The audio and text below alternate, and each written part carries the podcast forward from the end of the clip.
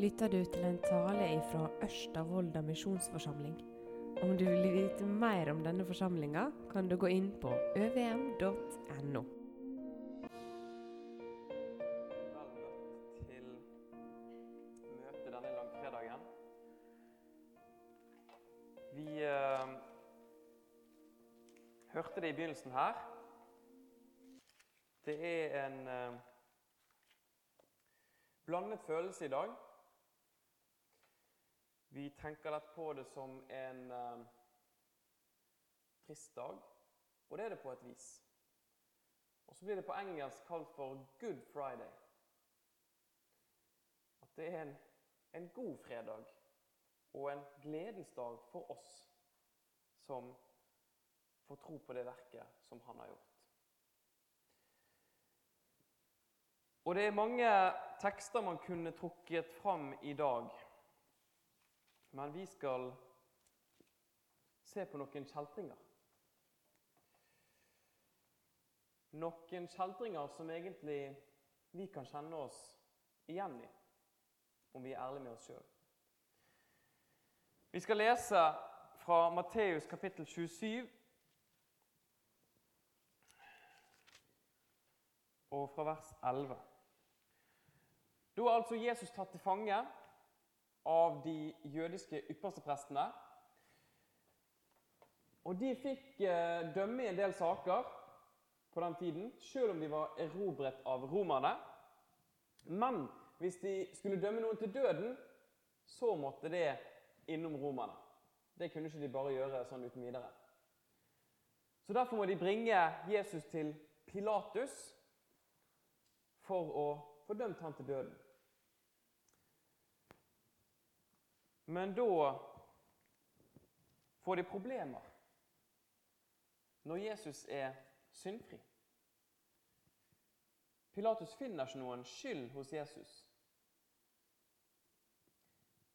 Men vi skal lese hva som likevel skjer. Matteus 27 og vers 11.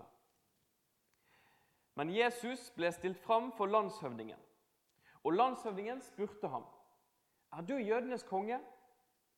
Jesus sa til ham, 'Du sier det.' Og mens yppersteprestene og de eldste anklaget ham, svarte han ingenting. Da sier Pilatus til ham, 'Hører du ikke alt det de vitner imot deg?' Men han svarte ham ikke på et eneste ord, så landshøvdingen ble meget forundret. Men på høytiden pleide landshøvdingen å gi en fange fri, den folket selv ville. På denne tiden hadde de en beryktet fange som hette Barabas. Mens de nå var samlet, sa Pilatus til dem, 'Hvem vil dere at jeg skal gi dere fri?' Barabas eller Jesus, som blir kalt Messias? For han visste at det var av misunnelse de hadde overgitt ham. Men mens han satt på dommersetet, sendte hans kone bud til ham og lot si:" Ha ikke noe med denne rettferdige. Har ikke noe å gjøre med denne rettferdige. For jeg har i natt lidd meget i drømme for hans skyld. Men yppersteprestene og de eldste overtalte folket til å be om å få Barabas frigitt, mens Jesus ble drept. Landshøvdingen tok da til orde og sa til dem.: hvem av, de, hvem av de to vil dere at jeg skal gi dere fri? De svarte Barabas.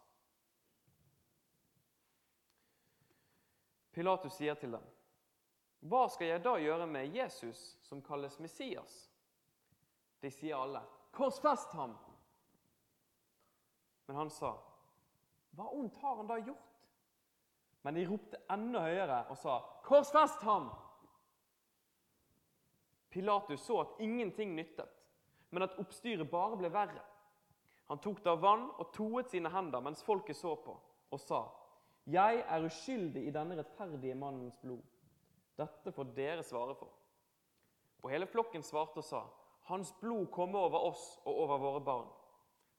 Da ga han dem Barabas fri, men lot Jesus hudstryke og overga ham til å korsfestes.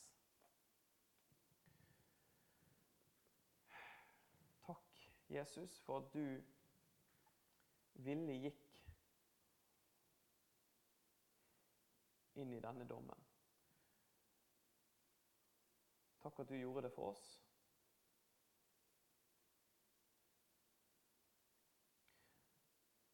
At til og med Barabas fikk gå fri istedenfor deg. Må du vise oss hvor like radikalt det er med oss at vi får bytte plass med deg. Og du lar oss få se mer av det. Amen.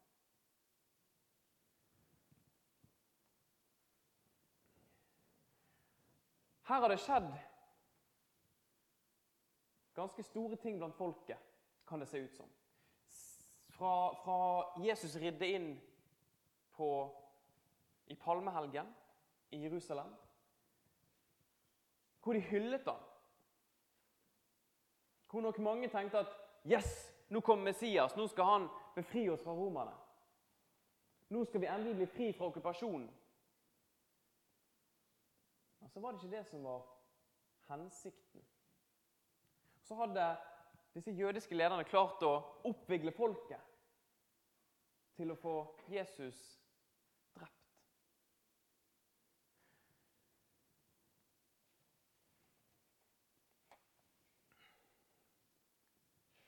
Jesus han uttrykte det at han ikke var den Messias som de skulle forvente, mange av dem. Nei, heller at han var Gud sjøl, og at han skulle befri menneskene ikke fra en fysisk okkupasjon, men fra syndens okkupasjon. At det var på et åndelig nivå han skulle fri ut menneskene. Og dette kunne ikke disse øversteprestene tåle.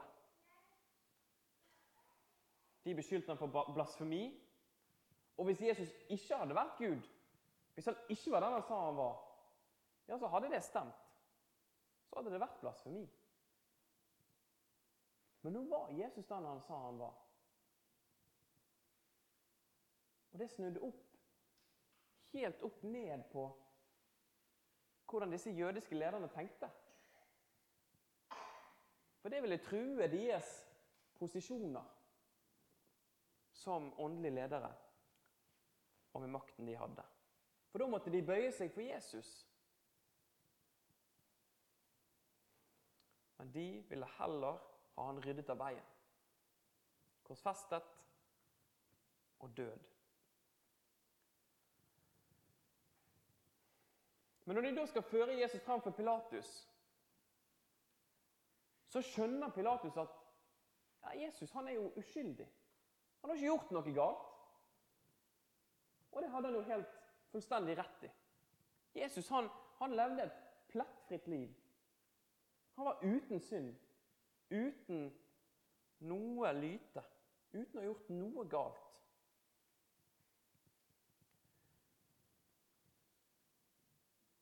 Og så tenkte Pilatus kanskje da hvordan, skal, hvordan, skal, vi kunne få han her fri når folket presser sånn på for å få han dømt? Jo, vi har jo en eh, tradisjon for å gi en fange fri. Og eh, ja, kanskje at hvis vi, hvis vi henter fram han der Barabas, som er en beryktet fange, en skikkelig kjeltring, en morder ja, Hvis vi henter han fram fra fangehullet og stiller han opp mot Jesus, da må jo folk åpenbart ville heller ha Jesus enn en morder. Det kan virke som at Pilatus tenkte litt sånn OK, la folket velge.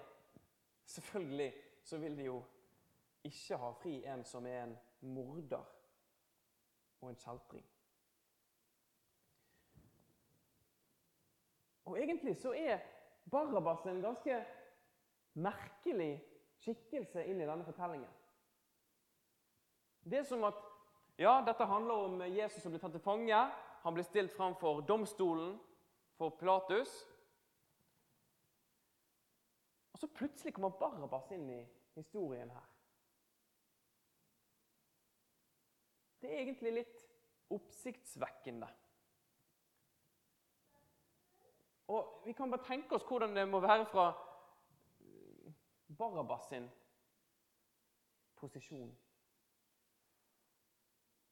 Kanskje sitter han der i fangehullet og øh, venter egentlig på at han skal bli dømt til døden, han også. Kanskje han allerede er dømt til døden. Kanskje bare venter på å bli korsfestet. Det sier ikke teksten noe om. Men kanskje det var tilfellet. Og så blir han plutselig bare hentet ut av fangehullet. Stilt opp mot han her som var helt uskyldig. Og så får han bare sånn uten videre gå fri. Han får bytte plass med denne Jesus. Uten å gjøre seg fortjent til det i det hele tatt. Ut av ingenting. Ut av håpløsheten i fangehullet. Så er han plutselig fri.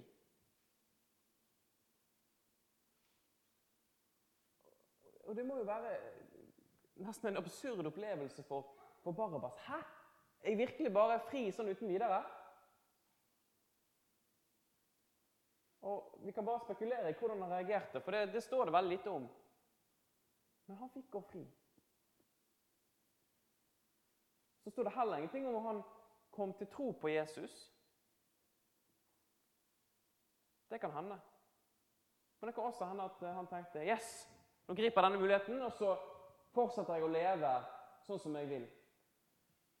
Da ble det til ingen nytte for han. Da hadde det ingenting å si for hans evighet. Han fikk bare gå fri i dette livet. Men uansett så viser Barabas oss veldig godt hvordan situasjonen er for oss mennesker, der vi alle sammen faktisk sitter i et fangehull og venter på en rettferdig dom. Og så kan man kanskje tenke at ja, men jeg er jo ikke så gal som Barabas. Jeg har jo ikke tatt livet av noen. Nei, det kan godt hende. Men helt fra jeg og du er født, så er vi født med ryggen mot Gud.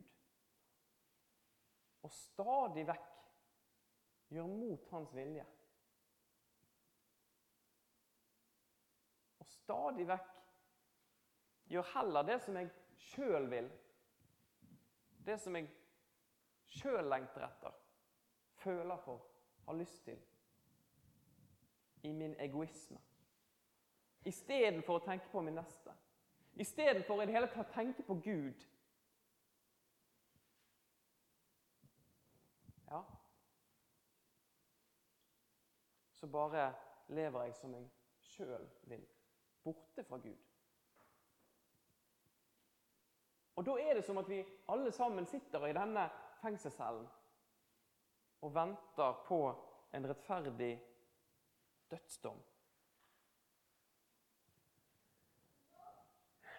Og Når vi sitter der, så er det faktisk ingenting jeg eller du kan få gjort for å kunne gå fri.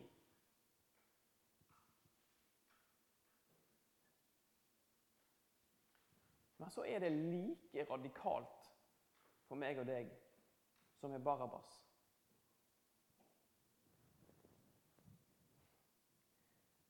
Når du hører evangeliet, så får du høre at det er en som går istedenfor deg. Det er en som bytter plass med deg og dør på korset istedenfor deg. Bare kom ut og ta imot det. Og kanskje kunne Barabas sittet der og tenkt Nei, det, det kan ikke stemme. Nå skal de bare lure meg ut til å få henge meg på korset. Eller eh, Nei, vet du hva? Det der vil jeg ikke. Jeg vil heller eh, sitte her i cellen min og leve for meg sjøl. Um, jeg vil ikke benytte meg av det der. Og mennesker òg responderer sånn på evangeliet. Selv om de får høre at nei, du kan få ta imot dette her. Du kan få bytte plass med Jesus. Du kan få gå fra døden til livet. Fra dette fangehullet til å bli fri.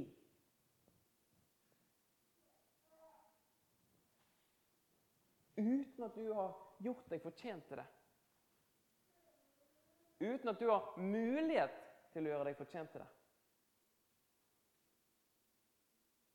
Nei, du går fra fullstendig håpløshet til fullstendig frihet i Jesus.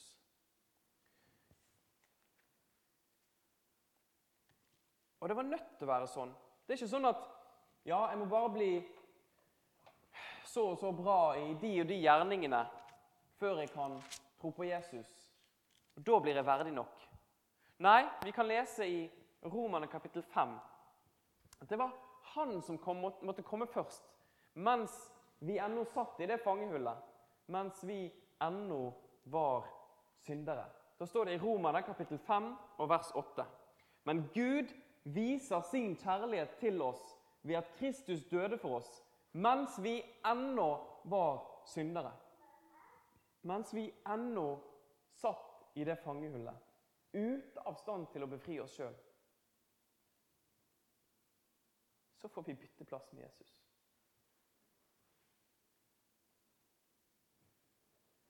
Så får vi tro på Han. At Han tok den straffen jeg og du skulle hatt.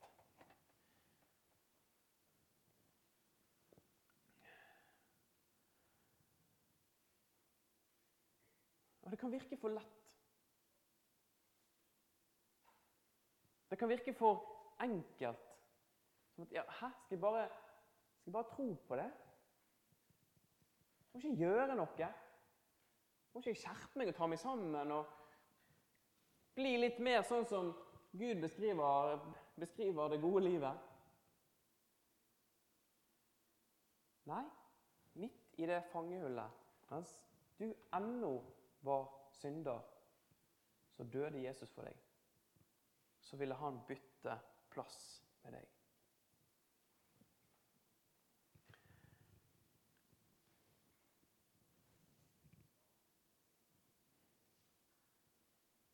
Så gikk Barabas fri. Og derfra så ble Jesus ført bort, pisket, slått, hånet spyttet på. Så ble han hengt på et kors. Og der på korset så hang han mellom to kjeltringer til. To kjeltringer som hang der med rette. Som hadde fått en rettferdig dom ifølge rettssystemet på den tiden. Ja, de hang der med rette.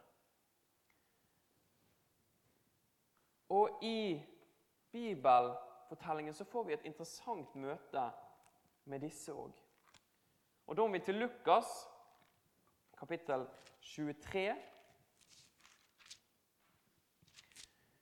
Lukas 23, og fra vers 39. For vi ser en veldig kontrast mellom disse to røverne. Begge henger der rettmessig, men de har veldig ulik, ulik respons til Jesus. Lukas 23, og fra vers 39. En av ugjerningsmennene som hang der, spottet ham og sa:" Er ikke du Messias? Frels da deg selv og oss. Men den andre tok til orde og irettesatte ham og sa:" Frykter du ikke engang for Gud, du som er under den samme dom. Og vi med rette, for vi får det vi fortjener etter våre gjerninger. Men han har ikke gjort noe galt. Og han sa, 'Jesus, husk på meg når du kommer i ditt rike.' Og han sa til ham, 'Sannelig sier jeg deg, i dag skal du være med meg i paradis.'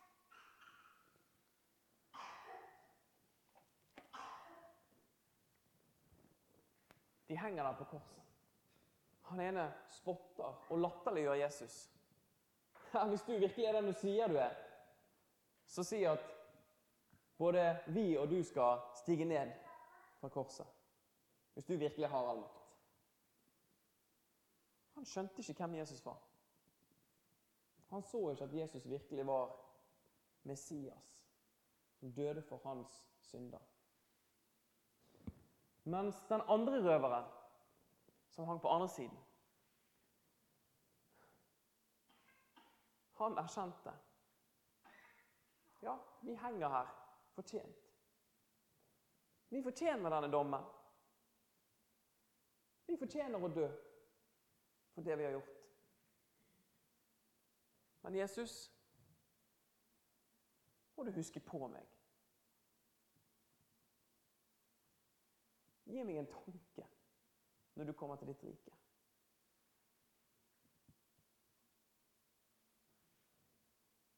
Noe så utrolig enkelt. Det er ikke noen sånn der eh, liste over liksom, disse punktene må du be gjennom for at du skal liksom tro, på Jesus. Eller et sånt skjema at ja, bare du har bedt de ordene der, ja, da er du Guds barn. Nei. Han sier, 'Tenk på meg. Husk på meg, Jesus.' Så svarer Jesus at 'I dag skal du være med meg til paradis'. Det er forunderlig, for vi tenker så lett at vi må gjøre det og det, det skal være sånn og sånn. Eh, vi må være så og så gode, ordentlige.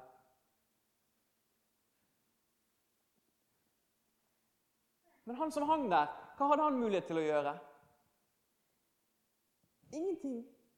Det var ingenting han hadde sjanse til å gjøre for å rettferdiggjøre seg sjøl der han hang. Og det bare viser oss så godt at det er ingenting av våre gjerninger som rettferdiggjør oss, som gir oss frelse. Det er kun Jesu frelsesverk. Og så er det en så nesten latterlig enkel bønn. Husk på meg. Den tilliten han har til, til Jesus, det er nok. Vi gjør det ofte så komplisert, gjerne, det å tro. Som at det er en prestasjon, nærmest. Men så er det egentlig en gave gitt av Gud som må bli åpenbart for oss. Den ene røveren så det ikke og spottet. Den andre han hadde fått se hvem Jesus var som frelser.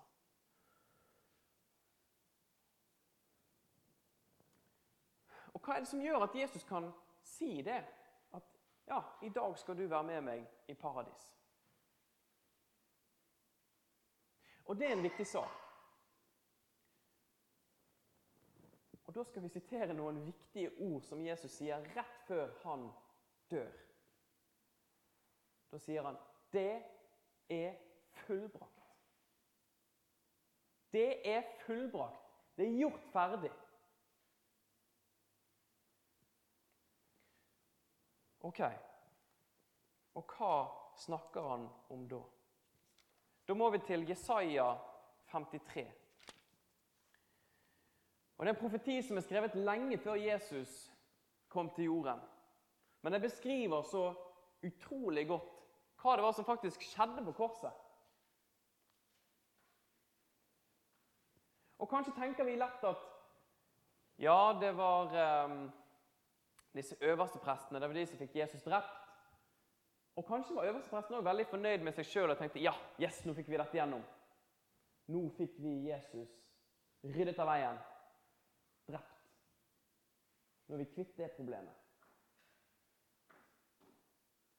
Men det var ikke noe menneske som tok Jesus sitt liv.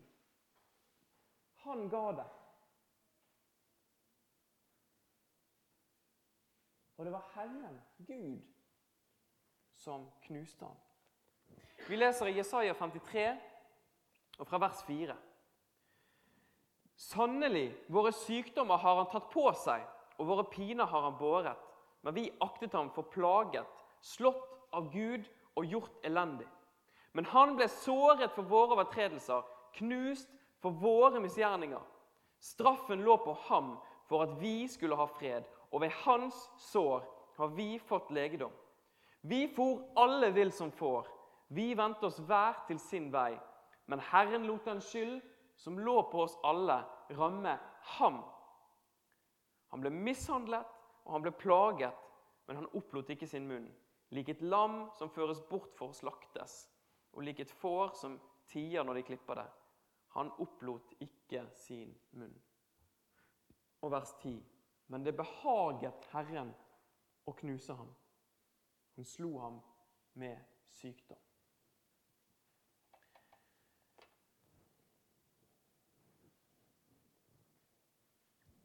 Det skjer store ting på korset. Og det er sånn at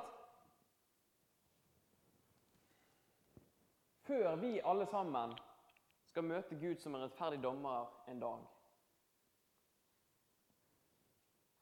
Før vi møter han i den rettssaken, så er det på korset allerede sånn. Her er altså den treenige Gud.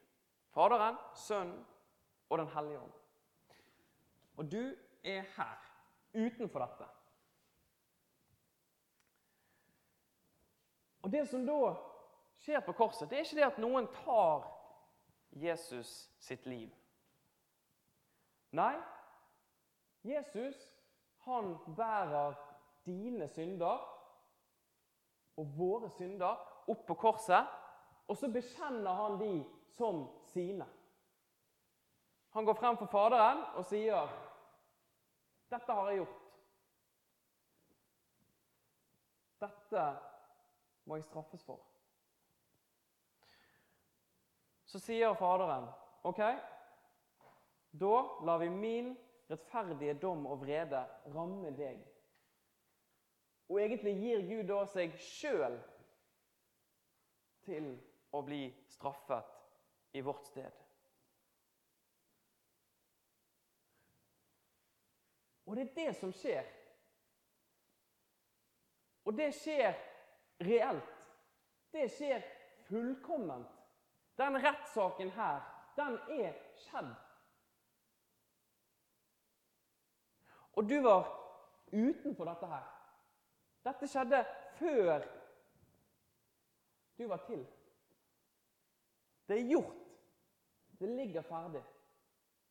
Men så har vi så lett for å tenke at eh, jeg skulle gjort, gjort Frelsesverket litt bedre. Hadde jeg bare vært litt bedre kristen, så hadde det blitt bedre. Eller hvis man har falt i samme synd for tusende gang, så kan en tenke at eh, nei, nå har jeg ødelagt Frelsesverket. Nå kan jeg ikke lenger tro på Jesus. Nei, det er faktisk fullbrakt. Det er gjort. Det ligger der ferdig. Det er ingenting du kan gjøre for å forbedre det. Det er ingenting du kan gjøre for å ødelegge det. Det er gjort.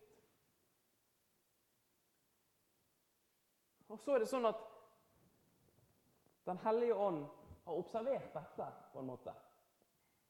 Og da kan Den hellige ånd åpenbare det for meg og deg. Fordi at av oss sjøl så kan vi ikke komme på dette her. Vi kan ikke fatte dette av oss sjøl. Nei, det må vises oss av Den hellige ånd.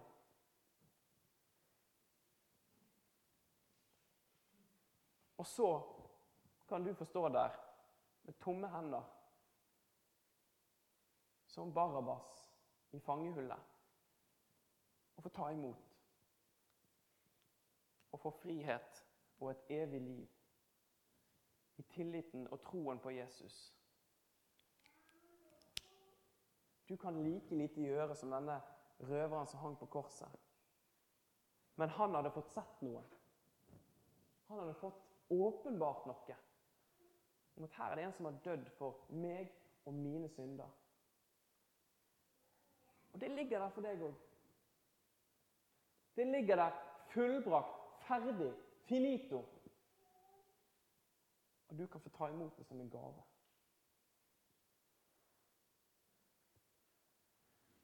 Det er det det handler om. Og det er det Gud har sagt.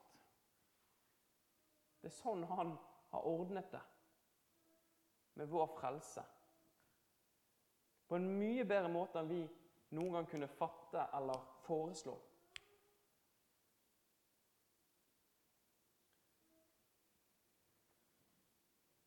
Så aldri glem det.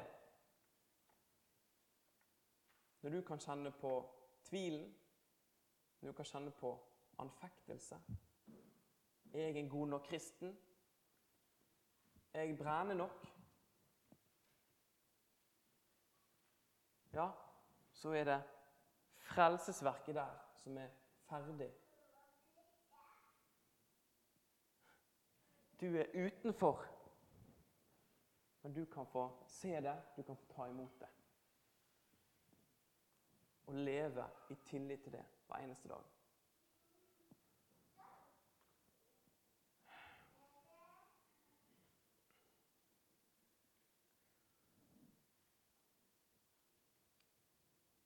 Det er så stort, folkens.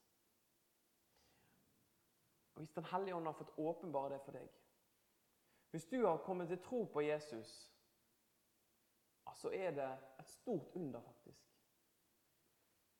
Så er du enormt heldig. Ta vare på det. Ikke skusle det bort. Ikke tenk at det er liksom en selvfølge. Det er så lett for. Selvfølgelig er jeg frelst, eller selvfølgelig blir jeg bevart. Nei, det må faktisk åpenbares for oss.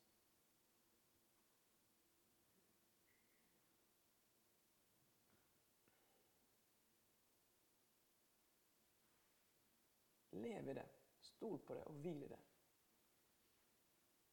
Og Hvis du ennå ikke har kommet til tro Kanskje sitter du og kjenner at ja, det er noe her som knirker borti. Det er noe her som får meg til å tenke at ah, kanskje det er noe. Kanskje gjelder dette for meg. Ja, så ta det imot. Ikke vent med det. Og hvis du tenker at Nei, jeg vet ikke hvor mye jeg egentlig tror på dette her. Ja, så fortsett å sjekke det ut. Fordi at ved, ved Guds ord så kan Den hellige ånd få virke til å vise deg nettopp dette frelsesverket. Fortsett å høre Guds ord. Fortsett å grave. Fortsett å undersøke. For det er det største. Det er det største vi kan eie her på jorden. Få være Guds barn. Å få være helt trygg, få være frelst. Og leve i Hans nåde. Skal vi takke for det. Ja, takk, Gud, for det frelsesverket du har ordnet for oss. Takk at vi kan få ta imot det. Vi kan få tro på det, ha tillit til det. Så ser du at vi så lett tenker at vi ikke er gode nok, eller at vi skal forbedre din frelse, eller at vi ikke fortjener det.